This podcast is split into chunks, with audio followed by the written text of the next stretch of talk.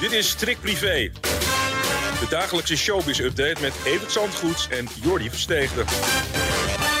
Ja, het was dus allemaal gewoon puur natuur wat we daar zagen, hè, Evert, op die foto van Ferry Doedens. Had je dat verwacht? Nou, zo heb ik me er niet in verdiept. Maar ik, ik geloof niet dat hij wat klagen heeft verder. Alleen dat hij daar zo mee te koop moet lopen. Dat, dat is vooral wat hem uh, zou moeten raken, maar wat hem kennelijk niet interesseert. Want het gaat alleen maar om de kijkcijfers en het aantal abonnees dat hij heeft op OnlyFriends. Dus ja, uh, ja hij doet maar lekker met een hele slagerij. nou, ik wacht nog steeds op een samenwerking tussen hem en Nicoleke. Dat kan nooit lang duren. Nou ja, ze hebben andere. Nee, ze hebben ook geen andere. Ze hebben dezelfde interesses ook. Maar het is. Uh, ja, nou ja, het is. Uh, hij heeft zijn momentje van aandacht weer gehad. Ja, precies. En hoe ver hij 50 wordt, dat uh, gaan we nog wel eens uh, zien of hij dan nog in de showbiz actief is. Al een uh, tijdje gaat het gerucht dat Marco Borsato weer aan het daten zou zijn met Leontien. Wij hebben dat eerder ook niet uitgesloten, dat dat misschien toch ooit weer zou gaan gebeuren. Maar, ja, ze worden wel samen gezien, maar ja, ze hebben ook een paar kinderen natuurlijk. Maar ja. ja, het is toch niet zo dat die relatie weer helemaal opgepakt gaat worden. Althans, ons bereiken andere geluiden. Oh. Namelijk dat Leontien vorige week op Ibiza was. Met weer nou. die Brabantse John. Nou dus ja. die man van die lakjes over die bladen heen en die blikjes heen. Die daar zo ontzettend rijk mee geworden is. Met een kunststof die uh, een soort lak vormt over ja, allerlei producten die wij dagelijks gebruiken. Hmm. Daar het heel goed mee geboerd heeft. Eerst leek die relatie na een maand of drie, vier alweer voorbij. En na weer drie, vier maanden verderop uh, zijn ze elkaar dus toch weer aan het opzoeken. Ja. En samen ook weer op reis. Ja, dat geeft toch nog wel hoop voor de toekomst. Kijk, want het gerucht ging even dat hij weer terug zou zijn bij zijn ex. Maar misschien is dat dan ook alweer voorbij en is hij dan weer terug bij die andere ex. Ja, ik begrijp. Ja, maar die ex van hem die zo ongelooflijk van zich deed horen toen zij een keer over straat liep en daar twee uitgebloeide bossen gladiolen bij een vuilnisbak zag staan. Oh ja. En daarbij schreef als tekst. En ineens weet je hoe je je voelt. Oh, wat een Ja, een bijzondere vrouw moet het zijn. Maar ja. haar verhaal hebben we nog nooit gehoord. Maar de kans dat, dat zij weer terugkeert in de armen van deze John lijkt dus niet zo heel erg groot. Als hij nou toch weer valt voor de charmers. De onmiskenbare charmers, moet ja. ik zeggen.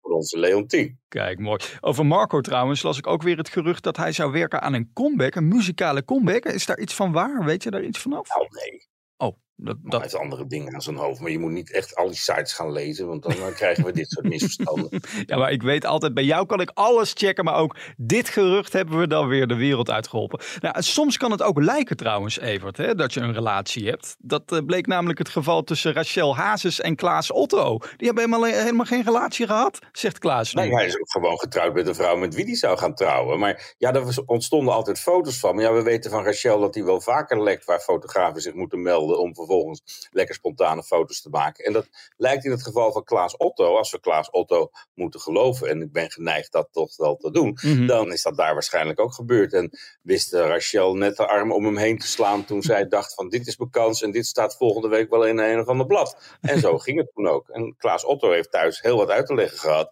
maar dat heeft hij gedaan, want ja, ze zijn gewoon getrouwd later.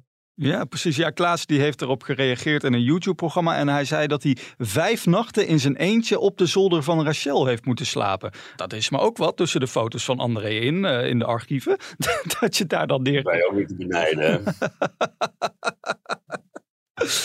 Jan Smit, daar moeten wij het even over hebben. Want gisteren zag ik in één keer een opmerkelijk bericht voorbij komen op, uh, op Instagram. Hij deelde een screenshot van een fan die kritisch had gereageerd op zijn theatershow. En, en Jan die kan eigenlijk niet te tegen kritiek. Dat is eigenlijk de conclusie die we kunnen trekken, geloof ik, hè? Jan is zo gespannen als een, als een helemaal opgewonden veer die op, op knappen staat, volgens mij. Het gaat natuurlijk al jaren niet goed met hem. Mm-hmm. Zijn carrière is echt op een dood spoor beland. En je ziet ook aan zijn reacties die er zijn op de kritiek bij wat hij rond het Songfestival allemaal uh, gedaan heeft. Hij kan daar niet tegen, hij kan daar niet mee omgaan. En waar hij vroeger heel laconiek in het leven stond en als een zondagskind van de showbiz al vanaf een hele jonge leeftijd ongelooflijk succesvol is. Ja, daar weet hij dat nu niet te handelen. En dat is erg zonde, want het is natuurlijk not done dat je met naam en toenaam gaat uitleven op een fan die vond dat je wat liedjes te weinig gezongen hebt bij een optreden. En ja. dat is ook helemaal niet zoals we Jan kennen eigenlijk. Maar dat heeft hij wel gedaan gisteren. En dat geeft gewoon aan dat hij ja, niet helemaal de oude Jan is. En zelf mag hij zijn laatste album dan boven Jan genoemd hebben. Met, uh, ik ben daar niet van overtuigd dat dat inderdaad het geval is. Ja. Ja, niet een goed. tijdje geleden sprak ik Jan eh, vlak voor aanvang van zijn eerste theatershow inderdaad. Die vernoemd is naar dat album. En toen stond hij nog ronduit te vertellen dat hij weer helemaal gelukkig was. En dat hij zich heeft gestort op zijn gezin. Ja, maar dat is het enige wat hij nog overgeno- overgehouden heeft van de wijze lessen van zijn wijle manager Jaap Buis. Dat je bij de start van een theatertour even de pers te woord moet staan. Ja. Dat is eh, heel jammer hoe dat gelopen is. Want Jaap heeft die carrière fantastisch op de rit gezet. Maar er is op dit moment niet zo heel erg veel van over. En dat is jammer hoor, want ik, ik vind Jan echt een aanwinst. Met vrolijke muziek, echt een artiest. Ja. Keurige, ja, leuke gozer gewoon. Die alleen ja, de, de prijs betaalt voor die hele jonge roem. En daar op dit moment niet al te goed mee om weet te gaan. Maar jij eh, als oude rot in het vak, hoe kan hij het tij keren dan? Wat moet hij op dit moment doen om dat beeld weer te veranderen?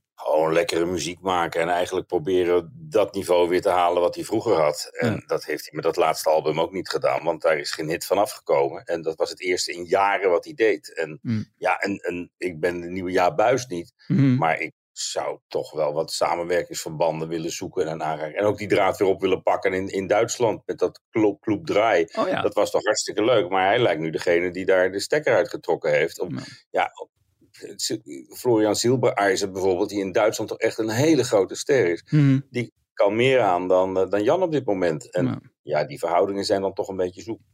Dan is eh, Guus Meeuwis, onze Brabantse vriend, toch een s- stuk sympathieker. Hè? Die, eh, die staat dit weekend al voor de zeventiende keer met zijn groots bij de Zachte G-concerten in het Philipsstadion. De ene laatste keer, dus dat zal toch wel een emotioneel feestje worden, denk ik, voor hem. Denk je niet? Ja, maar er komt wel wat anders voor terug, heeft hij al aangekondigd. Dus ja, hij heeft daar ongelooflijk dat neergezet in Eindhoven met die groots met een zachte G. Ik ben er helaas nooit geweest, maar dat is omdat het altijd in mijn vakanties valt. Oh ja. En dat ook nu gaat gebeuren.